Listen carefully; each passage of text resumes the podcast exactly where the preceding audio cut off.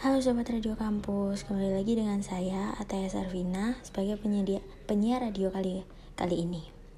Nah, di sini kita mau ngomongin tentang psikologi makanan.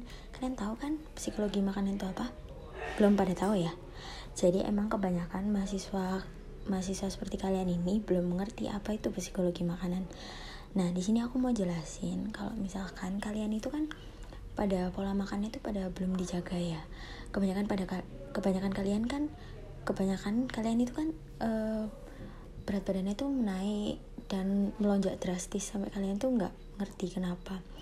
Kebanyakan dari kalian itu bi bilang kalau misalkan kalian tuh kurang olahraga dan pola makannya yang salah bla bla bla. Padahal nggak cuman itu. Yang paling penting itu adalah psikologi makanan.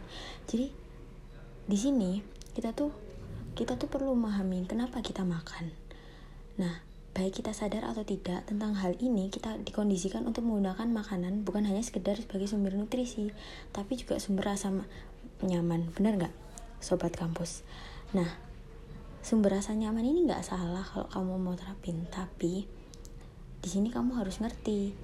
Kadangkala keinginan paling kuat itu kan uh, saat kita berada pada kondisi emosional terendah. Nah, di sini kita tuh harus ngerti kalau misalkan lapar dan asupan makanan untuk menjaga berat badan itu bukan hanya dari olahraga yang teratur, tapi psikologi makanan kalian. Kalian itu harus bisa menjaga dan memilah yang mana makanan yang baik dan benar.